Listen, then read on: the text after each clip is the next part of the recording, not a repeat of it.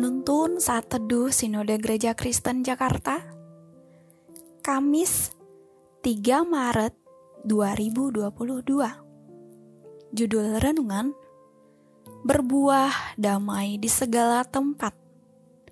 Nats Alkitab terambil di dalam kitab Galatia pasal 5 ayat 22 sampai 23 Tetapi buah roh ialah kasih, sukacita, damai sejahtera, kesabaran, kemurahan, kebaikan, kesetiaan, kelemah lembutan, penguasaan diri.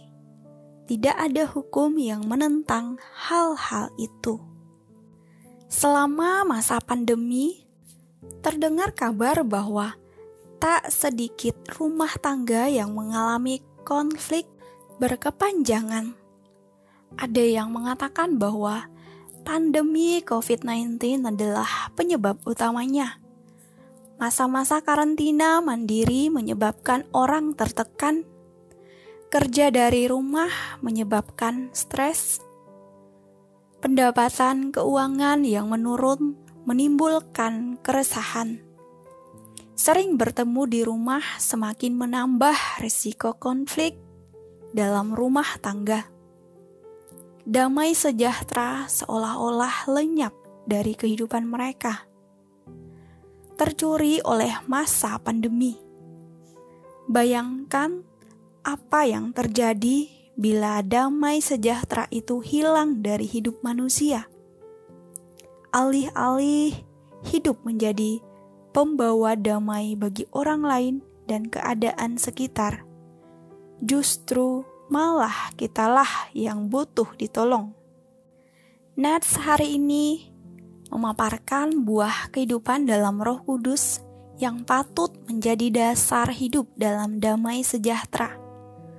Pertama, milikilah hidup yang penuh kasih, karena saat kita mengasihi, maka kita akan belajar melihat orang lain dan keadaan sekitar kita dengan kacamata kasih Kristus. Kita akan menjadi lebih bersabar menghadapi tekanan hidup. Orang yang sabar tidak cepat menuntut keadaan, dan orang lain berubah seperti apa yang kita inginkan. Itulah sebabnya kesabaran yang terus dipraktikkan akan membuahkan hidup yang rendah hati atau tidak sombong. Orang yang rendah hati layaknya seperti orang yang siap menerima dan mengendalikan keadaan yang terjadi di sekitarnya, atau tidak gampang emosi, termasuk ketika ada orang yang berlaku tak menyenangkan terhadapnya. Orang yang rendah hati tidak gampang marah, sebaliknya ia akan menjadi orang yang mau mengampuni. Mengampuni orang lain dan bahkan keadaan yang menindih hidupnya.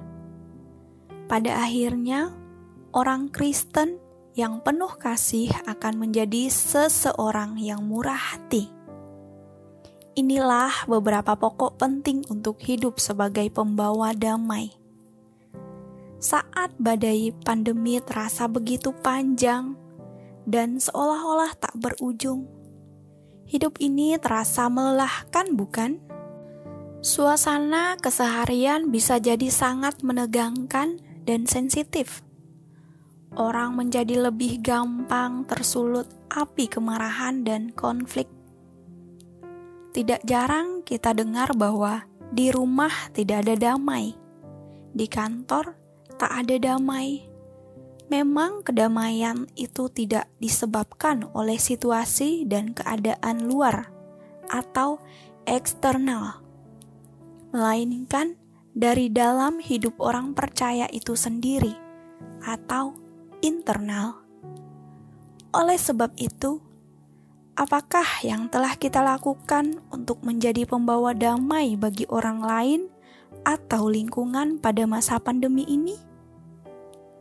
Sudahkah kita belajar untuk hidup sebagai pembawa damai Kristus kepada orang lain dan lingkungan kita? Marilah kita hidup dalam kasih Kristus, karena dari sinilah kita bisa menghasilkan buah kehidupan yang membawa kedamaian. Mengalami dan menikmati kasih Kristus setiap hari adalah sumber kekuatan untuk menjadi pembawa damai. Amin. Terima kasih, Tuhan Yesus memberkati.